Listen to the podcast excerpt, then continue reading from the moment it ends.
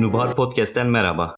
Ben Aziz Tekin. Podcast'imizin bu bölümünde Kürdoloji Çalışmalar Grubu'nun hazırladığı Nubhar yayınlarından çıkan Süleymaniye'den İstanbul'a bir Kürt aydını Emin Feyzi Bey'in Hatıraları adlı kitap hakkında konuşacağız. Kürdoloji Çalışmaları grubundan Tahir Baykuşak'la kitap hakkında bir sohbetimiz olacak. Tahir Hoca hoş geldiniz. Hoş bulduk, sağ olun. Tahir Hoca tebrikler kitap için. Teşekkür ederim, sağ olun. Kürdoloji çalışmaları grubu olarak daha önce Osmanlı son döneminde yayınlanmış birçok eseri tekrardan hazırlayıp yayınladınız. Bu sohbetimize bahse konu olan eser de bu çalışmalardan bir tanesi. Bize Kürdoloji çalışmaları grubundan bahsedebilir misiniz?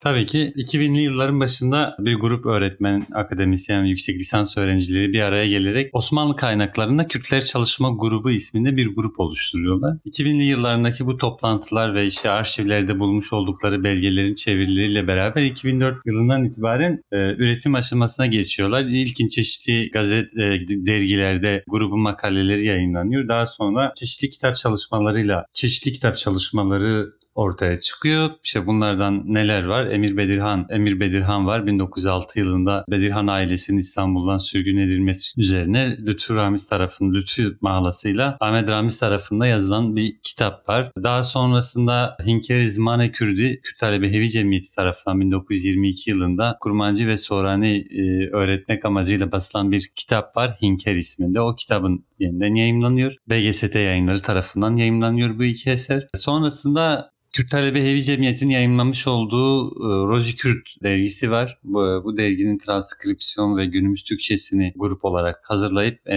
enstitü yayın, e, İstanbul Kürt Enstitüsü yayınlarından bastık. Daha sonra Kürdistan e, kavramının Osmanlı İmparatorluğu'nda neye tekabül ettiğini konu alan Osmanlı Kürdistanı diye bir e, kitap çalışmamız oldu. Tekrar BGST yayınlarından çıktı. Çok uzun yıllar önce başlanılan ama bitmeyen e, belki de yazarının e, yaşamış olduğu talihsizlikle kitabının hazırlanmasına da önümüze çıkan Emin Feyzi Bey'in hatıralarını da 2009 yılında başlamış ama bitmemişti. Son olarak bu talihsizlikleri bitirme adına kitabını yayınlamayı e, tekrar başlamış olduğumuz çevirileri e, tamamladık. Nubar yayınlarında bu eser çıktı. Umarım Kürdolojiye küçük de olsa bir katkıda bulunmuş olduk bu eserle.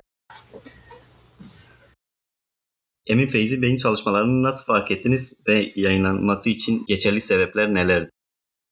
Yani Emin Feyzi Bey'in açıkçası şöyle demek gerekiyor. Kütüphanelere, kütüphanelerde çalışıldığı zaman Emin Feyzi Bey'in yani da tarama işte Kürt kelimesi ya da işte Kürt edebiyatı ya da işte belli kavramlar üzerinde taramalar yapıldığında Emin Feyzi Bey'in Encümeni Edibani Kürdan gibi e, kitapları İstanbul'da e, Ali Emri Kütüphanesi'nde ve Süleymaniye Kütüphanelerinde karşımıza çıkıyor. Hakeza işte mütareke dönemindeki gazeteler ve de, dergiler incelendiğinde özellikle Jin ve Kürdistan dergilerinde gene karşımıza çıkıyor. Bir de işte hatıraları da bulunan bir şey. E, neler yapılabilir? Aslında belki ilk e, hatıra kitaplarından bir tanesi Kürt Hareketi. Yani 20. yüzyılın başında İstanbul'da ortaya çıkan Kürt Hareketi içerisinde hatıralarını ilk yazan kişidir Emin Feyzi. Birçok bu bahsettiklerimin dışında Havai Nesimi ve işte tüfek üzerine ve başkaca epey aslında üretken bir yazar. Kitapları da işte bir kısmı arşivlerde bulunuyor. Bu bahsettiklerimi biz e, zaten görmüştük.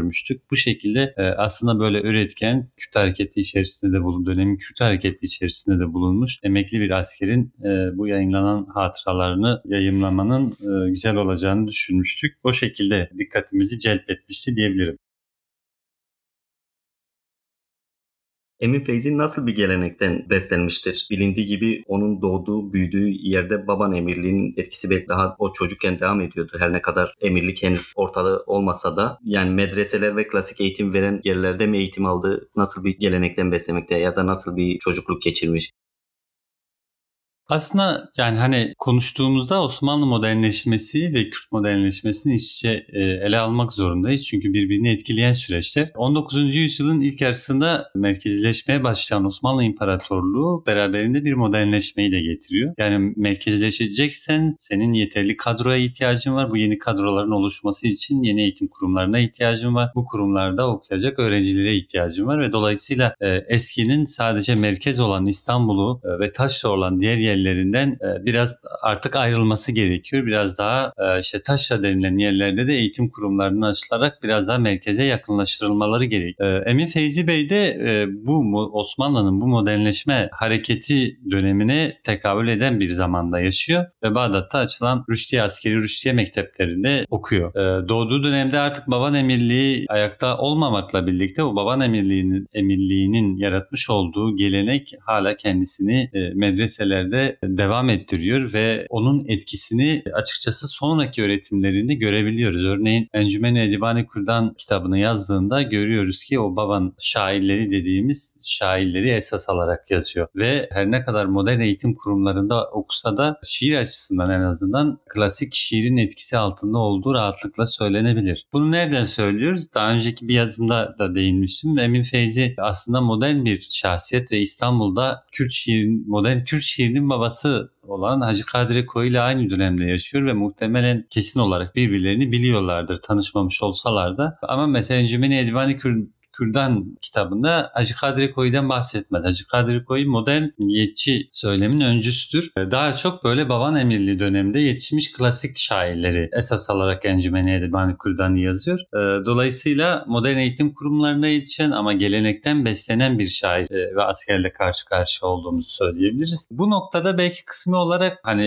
e, yerinde olabilir İstanbul'dan bahsetmek gerekiyor. Çünkü yazı eserlerin çoğu İstanbul'da yayınlanıyor. Osmanlı İmparatorluğu döneminde Osmanlı merkez olmasından kaynaklı. Kitapları İstanbul'da basılıyor. Aslında birçok şanssızlık ve şey de yaşıyor. Ee, işte basılan kitapların bir kısmı satılmıyor. Onlar işte kağıtçılara satılıyor. İşte bahseder burada İstanbul'daki Acem Acem matbaalar, Acem ve e, Yahudi matbaacılar benim kitaplarımı alıp kese kağıdı yaptılar falan gibi böyle şeylerden bahseder. İstanbul'un kültür hayatıyla ilgili de bir şey söyler. İstanbul bahsettiğimiz gibi merkezdir. Yani tüm zamanlarda imparatorluk. Yani aslında impar kuruluşundan itibaren Konstantin'in bu şehri var etmesinden itibaren e, merkezdir ve eğitim kurumları açısından işte bilim kültür açısından merkez olması münasebetiyle birçok alimi çekiyor. Bunun yanında Kürtler açısından belki bir başka önemi var. 19. yüzyıldan itibaren merkezleşme hareketleriyle birlikte ortadan kaldırılan millik mir e, aileleri ve çevreleri İstanbul'a gelip yerleşmeye başlıyor. E, dolayısıyla şeyin de Emin Feyzi Bey'in de İstanbul'da olduğu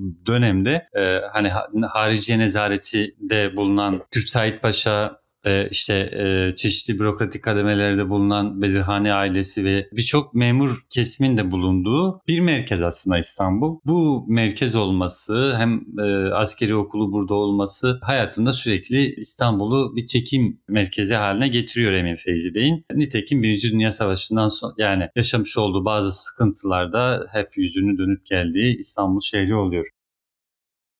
İstanbul'dan bahsettik. Osmanlı'nın merkezi tabii bütün e, siyasi akımlar en çok etkilenen şehir ya da birçok akım bu şehirden taraftar bulmakta ya da yönetici kadroları burada yetişmekte. Hakeza Emin Feyzi de birçok kimlik arasında sallanıp durmak daha çok Osmanlıcılık, İslamcılık, milliyetçilik çok net olmasa da bu tarafı. Tabii bu o dönem aydınların için genel bir durum. Emin Feyzi'de bu ideolojilerde farklılaşan bir durum var mı? Yani açıkçası o dönemin yani hatlar çok keskin değil. Yani hani birden fazla kimliğe sahip olabiliyorlar. Yani dönem aydınları bu e, şey değil. Yani bu sadece Kürt aydınları için geçerli değil, Arnavut aydınları için de geçerli. Bugün mesela bir Kamusu Türkiye yazar yazarını işte Türk tarafı da kendi Şemsettin Sami işte Kamusu Lalan ve Kamusu Türkiye yazan işte bir kahraman olarak görebilirken aynı şey Arnavutlar için Arnavutlar da onun milli kahramanları olarak görürler. Yani bir imparatorluk bünyesi altında yetişen bir nesilden bahsediyor. Dolayısıyla bir imparatorluk algısı. Evet milli akımlar vardır ama bu milli akımların içerisinde bir imparatorluğa mensubiyet durumu söz konusu. Dolayısıyla bu dönemin mesela hakim şeylerinden bir tanesi en azından Emin Feyzi'nin yetiştiği dönem itibariyle Osmanlıcılıktan bahsedebiliriz. Yani ta şeye kadar 1877 yılına kadar Tanzimat Fermanı'nın ilanından 1877 yılına kadar Tanzimat dönemi dediğimiz dönemde Osmanlıcılık esastır ve Osmanlıcılık kimliği birçok şeyde vardı. Birçok dönem aydınında mevcuttur. Osmanlıcılık fikri 1877'de tabii ki de son bulunuyor. Cumhuriyet'in kuruluşuna kadar da Osmanlı çeşitli evrelerden geçen bir Osmanlıcılık kimliğinden bahsediliyor. Bu bir söylem olarak var. Ama 77'den itibaren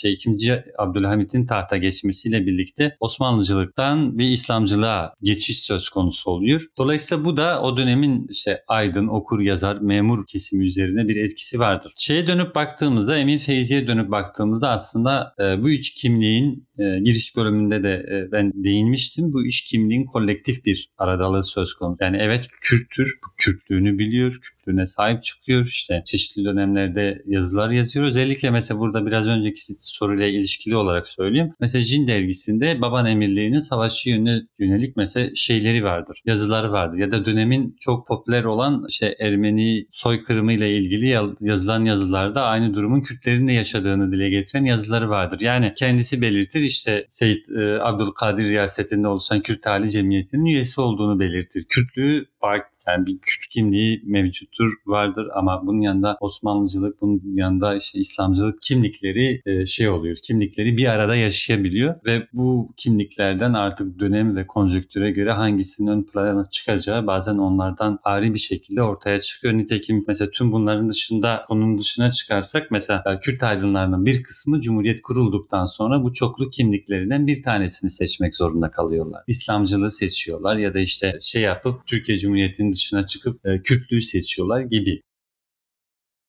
Önceki cevapta biraz bahsettiniz. Emin Fevzi Kürt Değerli Cemiyeti'ne üye olduğu gibi bir durumlar. Ama dönem aydınların anılarında çok rastlamıyoruz. Öyle bir durum var mı? Ya da ben karşılaşmadım. De Cumhuriyet sonrası nasıl bir hayat yaşadı? Biliyoruz hasta Darül Aceze'de ölüyor zaten. Ama o çok kısa Cumhuriyet ve Cumhuriyeti kuruluş döneminde herhangi bir, bir durumu var mı? Ya da bir çalışmaları ya da sadece kendi sağlık durumuyla mı ilgilenmek zorunda kalmış?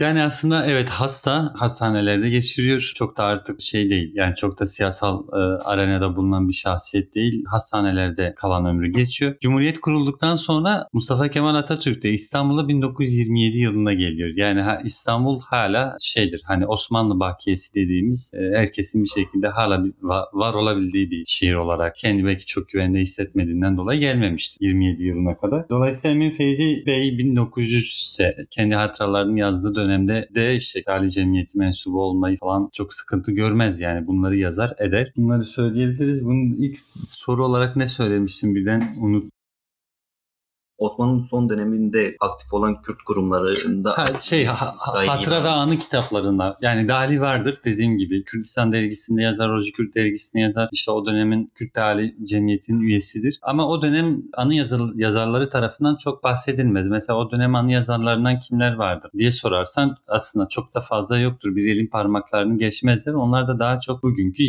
şey Kadri Cemil Paşa, İkrem Cemil Paşa'ların hatıraları vardır. İşte Dersimli Baytar Nuri'nin e, hatırası vardır. Ve bunlar daha çok işte bugünkü Türkiye coğrafyasında bulunan insanlar. Emin Feyzi Bey de uzun yıllar askerlik yapıyor uzun yıllar askerlik yapan ve toplumsal ilişkileri açısından çok yoğun değil. Bir de hani dediğim gibi yazdığı eserler ve ilgilendiği konular açısından baktığımız zaman daha çok mesela baban emirliğinin mirası üzerinden bir şeyler şey yapmaya çalışıyor. Dolayısıyla hani anı yazarları tarafından doğrudur çok yer almaz Emin Feyzi Bey. Ama mesela Güney bugün işte Federe Kürdistan bölgesindeki anı yazarlarını belki takip etmek lazım. Onlar neler söylüyor. Ama mesela şunu biliriz. Mesela o dönemdeki Şehrizat Talabani ile falan ilişkileri güçlüdür. Zaten kitapta da belli şiirleri falan alıntılanmıştır. Oradaki Süleymaniye ve çevresindeki entelektüel camia ile bir ilişkisi vardır. İşte oradan İstanbul'a gelenlerle ne tür bir ilişki vardır? Daha sonra hatıralarını yazanlar Emin Feyzi Bey'den nasıl bahsederler açıkçası bilmiyoruz